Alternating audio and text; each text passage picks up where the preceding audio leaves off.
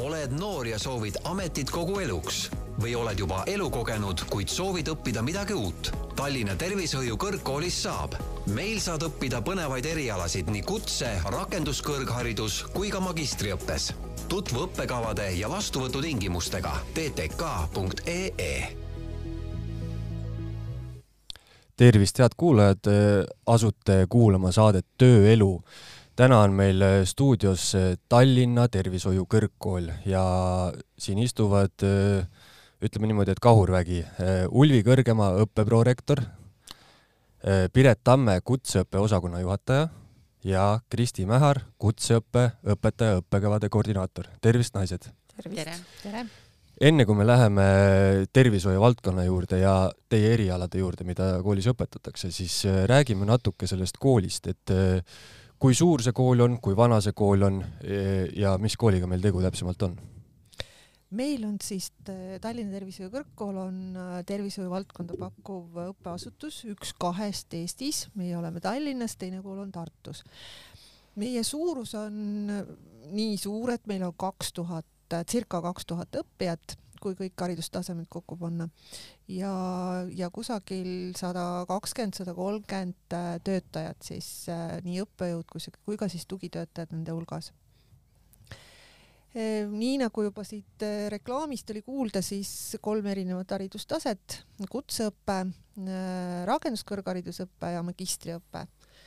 ja kõige suurem on, on kindlasti rakenduskõrgharidusõpe, seal on ka õppijaid kõige rohkem, järgneb siis, siis kutseõpe oma, oma jõuga, kuhu me siis täna, millest me täna pikemalt räägime ja, ja magistrid, terviseteaduse magister on vast, on meil kõige, kõige värskem suund ja, ja neid, seal on õppijaid siis igal kursusel nelikümmend kuidas need äh, õppijad jaotuvad, et siin enne, kui me mikrofonid tööle panime, siis juba, juba kostus selline lause, et äh, meil on vaja mehi sinna, et ma kujutaks ette, et, äh, et äkki on mingisugune kaheksakümmend, kakskümmend naiste kasuks. vale kas paku rohkem veel. või vähem paku veel siis ma arvaks, et võib-olla on, võib-olla ei olegi asi nii hull, et äkki on kuuskümmend, nelikümmend. tegelikult on, no ma ei tea, kas hull või mitte. Äh, õiged protsendid on, on kümme, üheksakümmend äh, siis naiste kasuks, kuigi äh, meeste osakaal vaikselt kasvab, viimane number, mis me välja võtsime, oli kaksteist protsenti ikkagi meesterahvaid nii et, et mehed on ka leidnud tee meie majja ja, ja üha enam on nad meil oodatud. et sellest kahe, äh, kahe tuhandest siis võib-olla selline kakssada, kakssada meest jõuab ka teieni, onju. Äh, me räägime täna kutseõppest. Äh, võib-olla mainiks ära kõigepealt selle, et mis erialasid üldse saab õppida Äh, kutseõppes me õpetame hooldustöötajaid, kes on kõige vanem äh, õppekava, siis meil on erakorralise meditsiini tehnikud, kui me rääkisime meestest, siis erakorralise meditsiini tehnikud ongi suuremalt jaolt meesterahvad. siis on meil lapsehoidjad ja meil on tegevusjuhendajad. Äh, meil saab kohe olema tervishoiusekretärid, siis veel üks uus õppekava on meil hambaravi assistendid ei, meil on päris palju. siis on meil sterilisatsioonitehnikud, mis on niimoodi nišiõppekava ja tegelikult me oleme valmis ka abivahenditehnikuid õpetama. et see on meil nüüd äh, neli-viis aastat soiku jäänud, aga, aga põhimõtteliselt see valmisolek on olemas. Äh, need on äh, täitsa sellised erialad, et ei oskakski nagu kohe niimoodi öelda, et mis, mis need on, et äh, näiteks see erakorralise meditsiinitehnik, et mis, mis inimene seda õppima tuleb? Eh, no erakorralise meditsiinitehnik võib-olla lihtsam on aru saada, kui me ütleme parameedik, et see on see inimene, kes täna töötab erakorralise meditsiini osakonnas või kiirabis.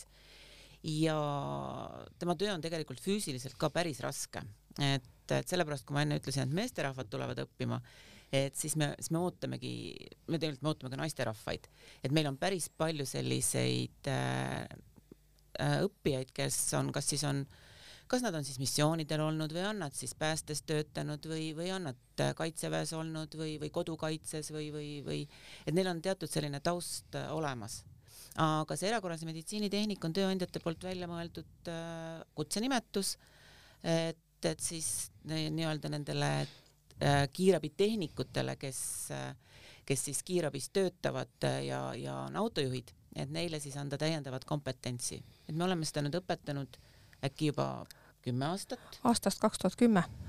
no siis peaaegu juba ro rohkem kui kümme aastat, et see tundub hästi populaarne olevat mm. -hmm. järgmine küsimus oligi see, et, et millised need kõige populaarsemad erialad on, et, et see, millest sa praegu, Piret, rääkisid, on ju, et kui seal õpib enamus mehi, siis ilmselt see teie koolis ei ole kõige populaarsem, kuna mehi on ainult kümme prossa. no ta tegelikult on kutseõppes kõige populaarsem õppekava ja, ja teine populaarne õppekava on hambaravi assistent, kus meil on ka nüüd, palun täiendage, kolm inimest kohale. jah mis, mis tegelikult on kutseõppes päris hea näitaja mm. -hmm. erakorralise meditsiinitehnikutega on see tore ja kurb asi, et nad õpivad ainult ühe aasta.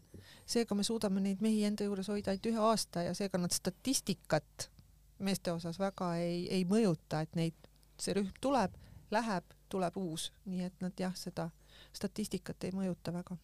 no rääkides kutseõppest, siis eh, teame, et eh, sinna saab minna õppima nii pärast üheksandat kui ka pärast gümnaasiumi, eks ju, et, et kuidas teil eh, ei ole niimoodi, ma näen. jah, ma nüüd siin kasutasin alternatiivkommunikatsiooni, et aga aga meil on põhimõtteliselt nii, et me ikkagi eelistame või me võtame peale keskharidust, keskkooli. meil on üks erand, see on hooldustöötajad, aga seal on ka see, et, et me võtame õppima põhihariduse baasil neid, kes täna juba töötavad. no meie eesmärk on see, et, et noh, hooldustöötaja, mis siin salata, vana nimetusega sanitar, et need inimesed, kes on võib-olla kakskümmend, võib-olla lausa kolmkümmend aastat töötanud, et nad saaksid oma kvalifikatsiooni tõsta. Ja, ja kui neil on see põhiharidus, siis me ei hakka nõudma seda keskharidust, et, et nemad, nemad saavad tulla õppima.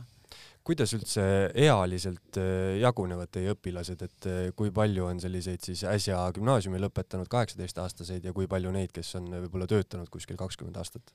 Äh, kunagi ma siin võib-olla aasta tagasi tegin sellise, kes meie keskmine vanus on, meie keskmine vanus oli nelikümmend kaks koma kaks või kolm oli.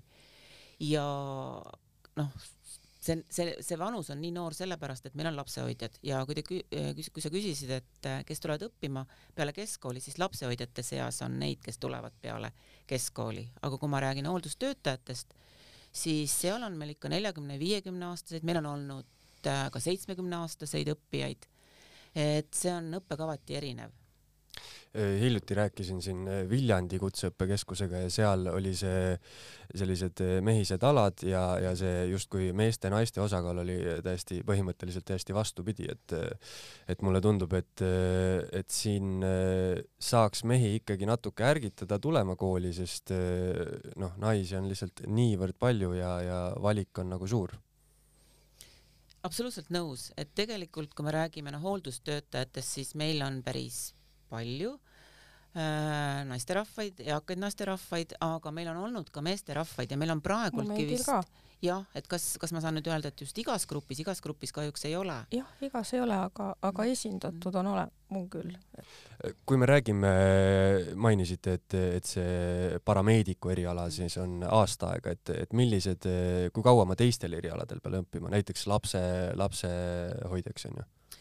No tegelikult kutsehariduses praegult ongi selline suund, et, et on suhteliselt äh, lühikesed, noh, me läheme üle nende õpiampsudele ka. et vastus sellele on hooldustöötaja, hambaravi assistent on kaks aastat ja ülejäänud on kõik üks aasta. et nüüd meil tuleb küll lapsehoidja tase viis, mis on jätkuõpe, see on pool aastat.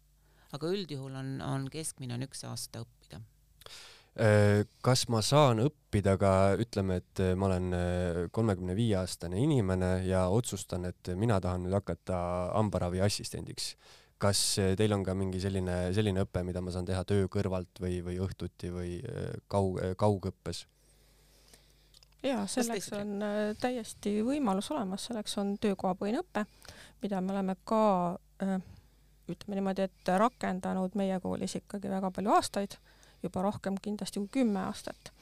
ja see on, meil on peaaegu, peaaegu kõikidel on erandeid, on, et äh, oleme rakendanud töökohapõhist õpet, see tähendab seda, et äh, inimene töötab oma töökohas, äh, samal ajal ta õpib, praktiseerib ka oma töökohas, saab praktiliselt harjutusi teha koolimajas, teooriat õpib koolimajas, aga tal on töö juures juhendaja, noh, kas ta on siis temaga mentor teistpidi, aga ta saab rakendada jah, seda, et saab õpp-, õppida, töötada ja oma, oma muud elu elada ka paralleelselt. no rääkides kutseõppest, siis põhiline nagu märksõna ongi, on ju praktika ja praktiline pra,, praktilise osa nagu äh, tähtsus sellel, et mm -hmm. kas teil on see erialati, on see praktilise osa osakaal nagu erinev või on teil mingi kindel selline standard, et ma ei tea, aastasest õppest ma pean kaks kuud tegema praktikat või, või on, on see nagu paika pandud? see tuleb ikka seadusest, et äh, täpselt nii ongi, et kui on aasta, siis üldjuhul on kaks kuud praktikat. ja, ja noh, kui on kaks aastat, siis, siis tuleb neli kuud seda. kas teil äh, praktikakohti nagu pakutakse või ma pean äh, ise endale otsima, iseenda eest seisma? meil on tegelikult niimoodi, et äh, kuna nii nagu ka Kristi ütles, et enamus meil töötab et siis meil väga suuri probleeme ei ole, et meil ikkagi me, me anname õpilastele valida, öeldes seda, et me ei saa garanteerida, et kuhu nad tahavad minna.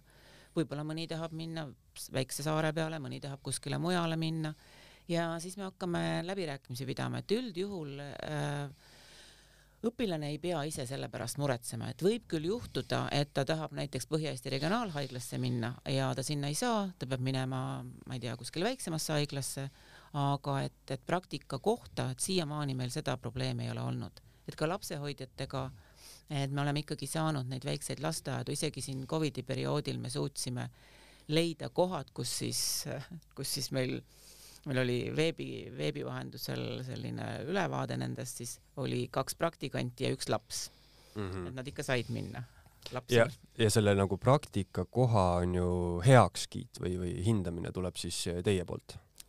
Mm. -hmm. ja seda ma üldistaks kõikide õppekavade puhul kõrghariduses ka, et, et selles mõttes me võib-olla erineme paljudest teistest äh, koolidest, äh, kõrgkoolidest ja kutsekoolidest ka, et meie garanteerime see, oma äh, õppijatele praktikakohad ja meie kontrollime üle, et see praktikakoht on see, kus ta oma praktikaülesandeid täita saab mm. -hmm kui ma tulen tagasi selle näite juurde, et mul tuleb nüüd järsku tuleb mõte onju, et ma hakkan hambaarsti assistendiks, siis kuidas eh, ma teie kooli sisse saan astuda, kas on eh, katsed, eksamid, kas ma pean midagi esitama, kuidas see protsess täpsemalt käib?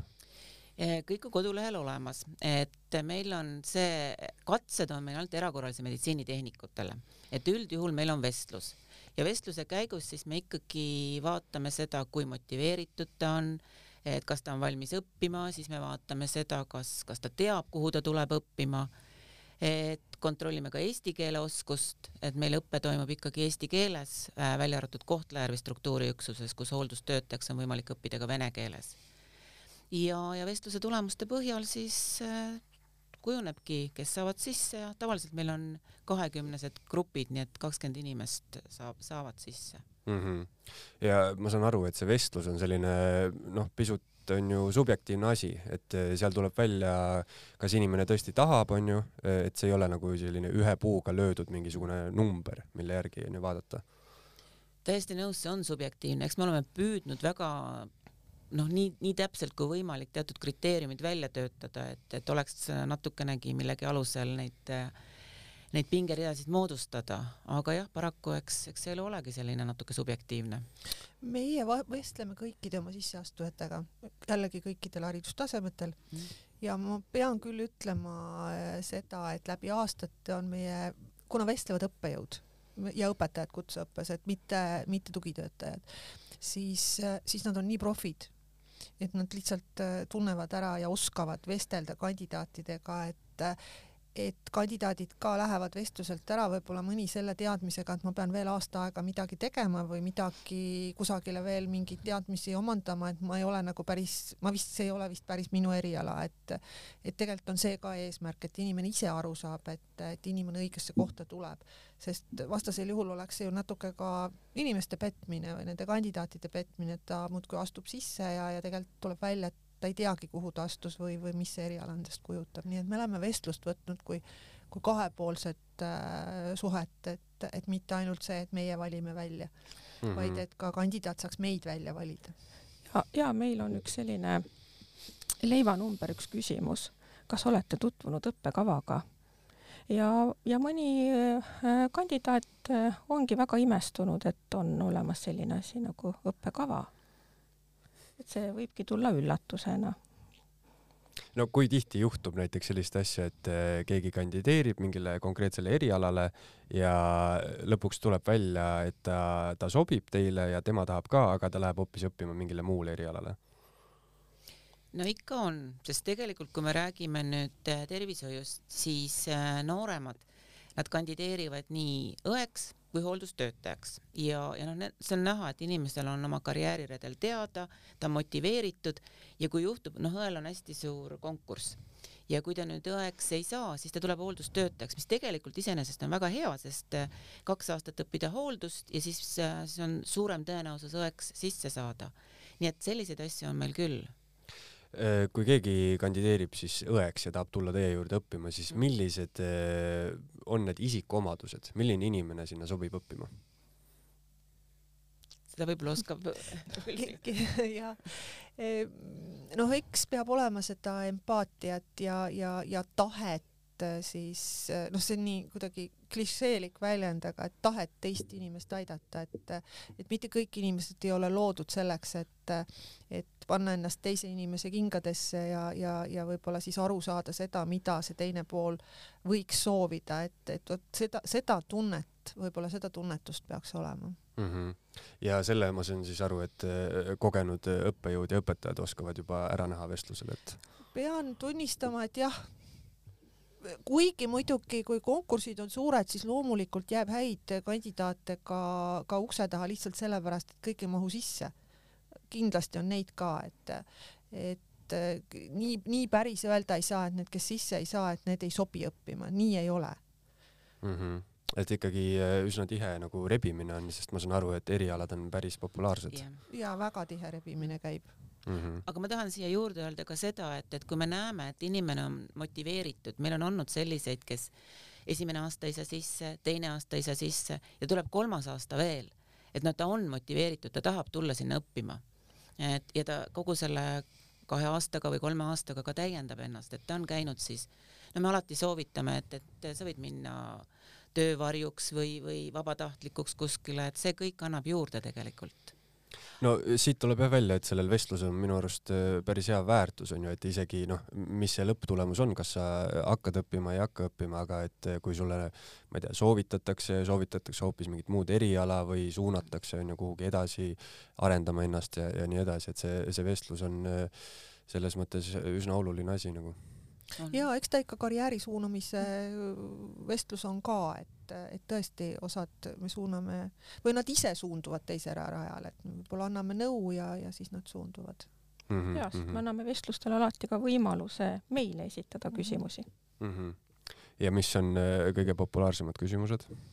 no e, see on seotud tavaliselt ikkagi kas õppekorralduslikuga poolega, et just seesama, et kuidas ühendada oma isiklik elu, tööelu, koolielu, kõik sellega tavaliselt. tulles korra tagasi selle, selle on ju kaugõppe peale või töökohapõhise õppe töökohapõhise õppe peale, et siis, et kui ma käin iga päev on ju esmaspäevast reedeni tööl, siis mis see, mis see minu jaoks nagu tähendab, et kui, kui tihti ma pean kohal käima, kui kaua ma pean olema reaalselt klassiruumis? töökohapõhise õppega on kolm osapoolt on kool, on õppija ja on töökoht.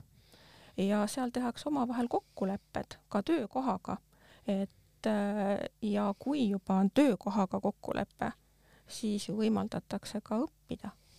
ja siis ongi need konkreetsed õppenädalad määratud, õppepäevad ja, ja koolipäeva pikkus võib olla väga erinev, et aga need on juba eelnevalt määratletud ja, ja ka õpilasel on see kogu õppeaja jooksul teada mm. -hmm. ja ma saan aru, et seal on ikkagi selline mingisugune mänguruum ja paindlikkus, et, et nagu ühendada nii-öelda enda tööelu ja, ja õppimine, eks ju? absoluutselt mm, -hmm. absoluutselt ja, ja meie rõhutame ka tihtipeale, et, et see paindlikkuse koht on olemas. et jah mm -hmm. Võib. võib-olla nüüd oleks õige siia praegu sisse tuua ka see, et, et me oleme paindlikud äh, ka selles suhtes, et me oleme nii paljudes kohtades Eestis, et kui ma enne ütlesin, me oleme Tallinna Tervishoiukõrgkool, siis, siis, siis see sugugi ei peegelda kogu meie äh, asukohta. meil on Kohtla-Järvel struktuuriüksus, mis, mis korraga välja tuli, kus hooldustöötajad õpivad ja õed Äh, meil on pikaaegne rühm juba Pärnus õdesid, kaksteist aastat või rohkemgi.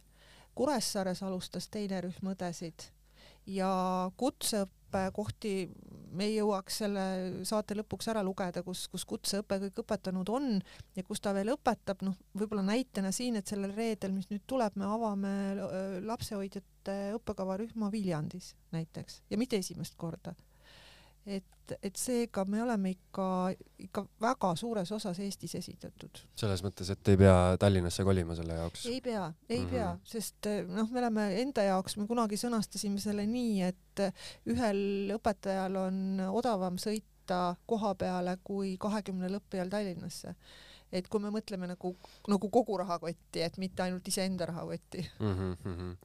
huvitav, kas seal tekib nagu mingisugune selline statistika või äh, sa mainisid, et Viljandis on ju lapsehoidjate õpe hakkab toimuma, et, et nagu mis erialad, mis maakonniti või, või kus on äh, noh, Kohtla-Järvel õed, et kus on nagu mingisugune huvi suurem mingi eriala vastu? no siin ma võin öelda, et vist ei ole maakonda, kus me käinud ei ole, et me oleme hooldustöötajatega olnud praktiliselt igal pool lapsehoidjaid oleme koolitanud peaaegu kõikides maakondades. no eks meil ole see ka, et kui meid visatakse uksest välja, et siis me tuleme aknast sisse, et et päris palju tuleb tegelikult äh, reklaamida ja rääkida just töökohapõhise õppe korral ja just regionaalsuse seisukohast. et äh, tegelikult see on hästi-hästi oluline ka sellele kogukonnale, et me oleme algatanud seal töökohapõhise õppe raames selliseid, me ise nimetame neid kogukonnapäevadeks et õpilased siis noh, kujutage ette, eks ole, et, et hooldustöötaja, võib-olla tema maine ei ole kõige kõrgem, aga kui ta nüüd läheb ja korraldab selles kogukonnas ühe ürituse ja ta tutvustab ennast kui Tallinna Tervishoiu Kõrgkooli õppijat ja ta räägib, et noh, meil on olnud erinevaid selliseid üritusi, noh, eh, kus õpilased räägivad abivahenditest või, või, või erinevatest toetustest no sihtgrupiks on, üldjuhul sihtgrupiks on muidugi eakas või pensionär, kes on päeva ajal vaba, aga nad tulevad ja see on hästi-hästi positiivne. tavaliselt on sealjuures siis ka selline väike kohalik ajaleht, kes teeb sellise nupukese, et, et see annab ka sellise tõuke nendele hooldustöötajatele või lapsehoidjatele, kes on olnud mm. -hmm. et sellepärast see töökohapõhine õpe seal kohapeal on minu arust väga-väga hea asi sa mainisid, et võib-olla ei ole hooldustöötajal kõige parem äh, kuulsus või, või selline mulje onju, et miks see, miks see niimoodi on, kas see tuleb mingisugusest äh, vanast, äh, vanast arusaamast? see on vanast arusaamast, aga ma julgen kohe öelda, et nüüd tänu sellele Covid perioodile on ka hooldustöötajate maine väga suuresti paranenud ja tegelikult ka vastuvõtt, et meil on olnud siin aegu, kui me ei ole saanud rühmasid täis, aga sellel aastal, sellel aastal sügisel nüüd see on kaks tuhat kakskümmend üks, äh, meil oli ikkagi väike konkurss, mis näitab, et hooldustöötajate maine hakkab tõusma mm. -hmm. ja see tulebki ilmselt siis äh, reaalsest vajadusest onju, et äh, see haigus, mis meil siin ringi möllab onju, et siis lihtsalt on vaja rohkem inimesi hooldada ja, ja eriala populaarsus kasvab, eks ju. no tänu sellele ikka ka, et väga palju meedia mhm. kajastas mm -hmm. neid inimesi, kes reaalselt töötavad põllul mm. -hmm. tunnustus oli see, mis mm. -hmm. ja, ja, ja hooldustöötajatele anti ka nii raadiosaadetes kui äh, telesaadetes ju äh, noh, nad avasid oma laekaid, et kuidas nad töötavad, kuidas nad, milline töökeskkond välja näeb, äh, mida nad tunnevad, kui nad töötavad sellistes tingimustes. nii et jaa, sellest, selleks on meedia väga palju ära teinud mm. -hmm ma kujutan ette, et eh, hooldustöötaja praktikakoht võib, eh, võib võib-olla ka välja näha, on ju enda, ma ei tea, haige ema hooldamine, et kas see on nagu üldse kuidagi reaalne? no ta peab olema ikka, me peame lepingu sõlmima mm, -hmm. et, et sama on ka lapsehoidjatel, et kahjuks me ei saa lubada, et, et sõbranna last hoitakse praktika raames et kui see läheb läbi kohaliku omavalitsuse ja kohalik omavalitsus võtab selle vastutuse, siis küll, aga -hmm. põhimõtteliselt jah, meil ongi õppijad, kes tulevad tegelikult õppima äh, sellepärast, et neil on kas kogemus või vajadus oma lähedast hooldada. Ma võib-olla siia ütlen selle juurde, et praktika ei ole lihtsalt praktiseerimine, eh, vaid praktika on juhendaja juhendamisel töö tegemine, et, et seetõttu see juhendaja Äh, olemasolu selles, äh, selles praktika kohas on, on hästi tähtis, et kui me selle oma ema hooldamise äh, näite siia toome, et siis kui sellel oma emal on veel üks professionaalne hooldaja, kes mind siis sellel ajal, kui praktikanti õpetab, siis jah, see on võimalik ja ettekujutatav, aga, aga üldiselt jah, me tahame, et üliõpilased või õpilased ja üliõpilased samamoodi saaksid juhendatud, saaksid uusi parimaid tööoskusi, teadmisi ka praktika käigus, et see ei ole, praktika ei ole meil kindlasti ühelgi erialal lihtsalt töö tegemine, vaid, vaid kindlasti õppimise protsess mm. -hmm. et lihtsalt niisama äh, tunde kirja ei panda, et, et seal peab ikkagi mingi sisu taga olema. tunde ainult mitte, et kirja ei panda, vaid, äh, vaid ka see ei ole iseseisev töö tegemine, vaid, vaid seal peab olema kogenum ja, ja professionaalsem inimene kõrval, töötaja siis, kes, kes siis, kes siis juhendab seda ja ka vastutab siis selle töö eest, mida, mida siis äh, üliõpilane või õpilane teeb ja praktika õpiväljundid on praktikate kaupa ka erinev.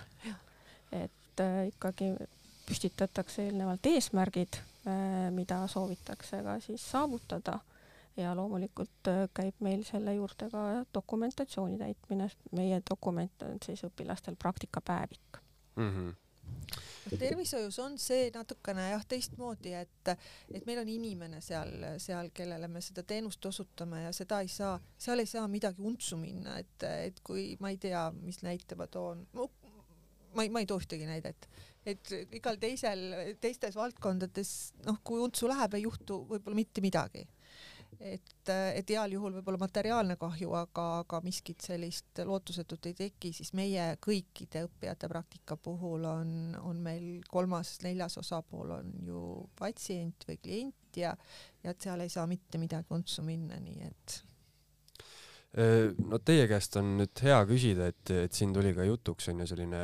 kogukondlik, ütleme, inimeste harimine ja teadlikkuse tõstmine üleüldse, et et kuidas Eestis selle tervishoiu valdkonnaga seis on, et noh, teil on selles mõttes päris palju õpilasi, praegu, kui me siin räägime, muidugi noh, tundub, et metsikult tegeletakse, onju, aga et kui me üldpilti vaatame, siis, siis kuidas see, kuidas see valdkonna seis meil praegu on siin?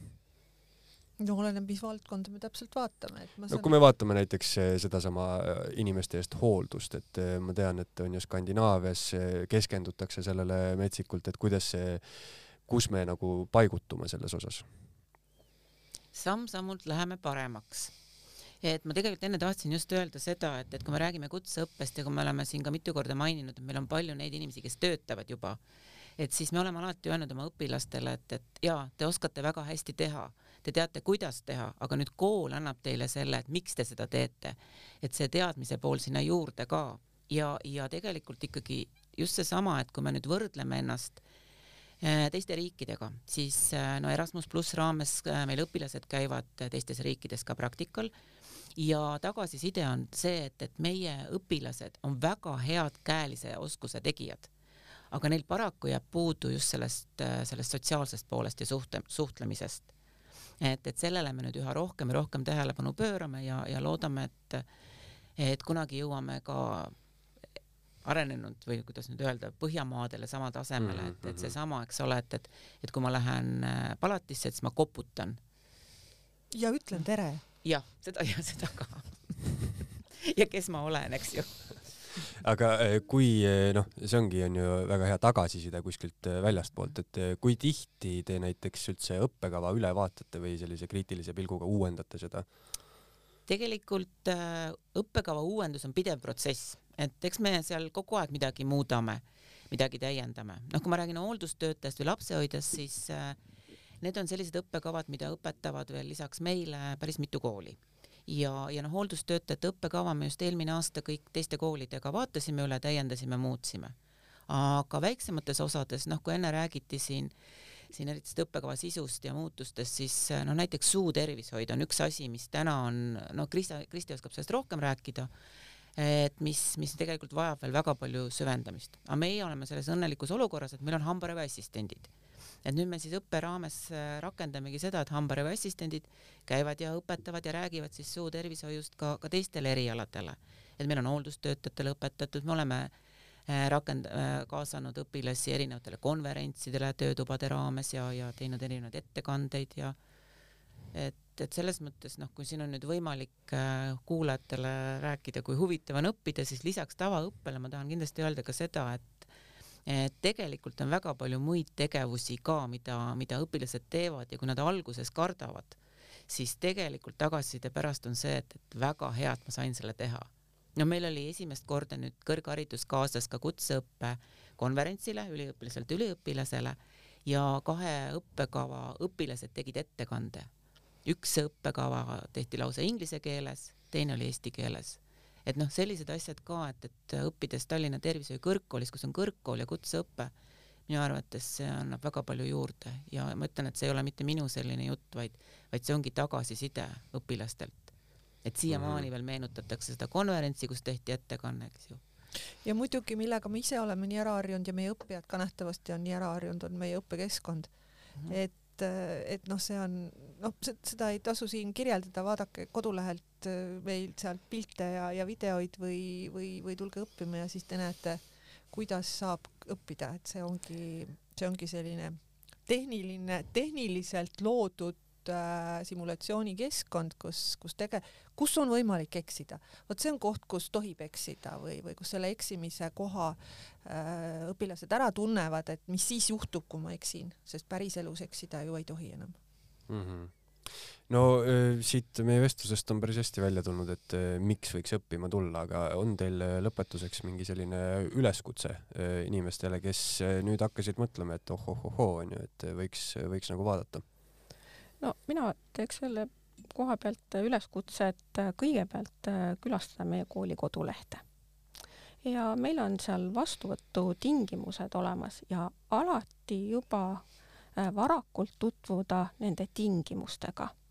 et äh, kas tegemist ongi, kui näiteks räägime kutseõppest, kas tegemist on koolipõhise rühmaga, nagu me ise ütleme, või töökohapõhise õppega, kas sealt ongi, et kui on töökohapõhine õpe, tähendab, see eeldab seda, et mul on ka töökoht, et tutvuda nende eeltingimustega ja loomulikult äh, ka need, kuna noh, enne Piret tõi välja, et meie keskmine õppija on äh, keskealine, et, et ta leiaks õigeks ajaks üles ka oma dokumendid mm. -hmm. et äh, võib juhtudagi, et soov on väga suur, aga need dokumendid on aja jooksul kuskile äh, noh, nii hästi ära pandud, et ei leia ülesse kohe, kui vaja. nii et tut-, kõigepealt tutvuda jah, nende kodulehel olevate tingimustega, see on nagu see kõige, kõige suurem juba esimene samm. tasuks eh, siis eeltööd teha. Eh, ütleme siia lõppu, mis see koduleht ka on, mis peaks sisse tippima? www.ttk.ee, aga ma lõpuks tahan ikkagi öelda ühe oma õpilase sõnadega, kes lõpuaktusel tuli ja ütles, et, et kui kui ta õppis eksamiks, siis ta mõtles, et oli tal vaja siia õppima tulla. Ja nüüd, kui oli lõpuaktus, siis tal olid pisarad silmas ja ütles, et ta läheb raudselt edasi õppima. et tegelikult jah, nii nagu igal pool on, on tõusud ja mõõnad, aga üldjuhul ikkagi kõik on väga-väga rahule jäänud just, just sellega, et, et et sa saad ka muid asju kui seda tavalist klassikalist tuupimist, tuupimist on meil tegelikult ikkagi väga vähe tänapäeval selle noodiga on hea lõpetada, tutvuge, mõelge ja minge õppima, aga aitäh teile igatahes, et aitäh. Äh, tulite stuudiosse ja tutvustasite. aitäh. oled noor ja soovid ametit kogu eluks või oled juba elukogenud, kuid soovid õppida midagi uut? Tallinna Tervishoiu Kõrgkoolis saab. meil saad õppida põnevaid erialasid nii kutse, rakenduskõrgharidus kui ka magistriõppes tutvu õppekavade ja vastuvõtutingimustega. Ttk.ee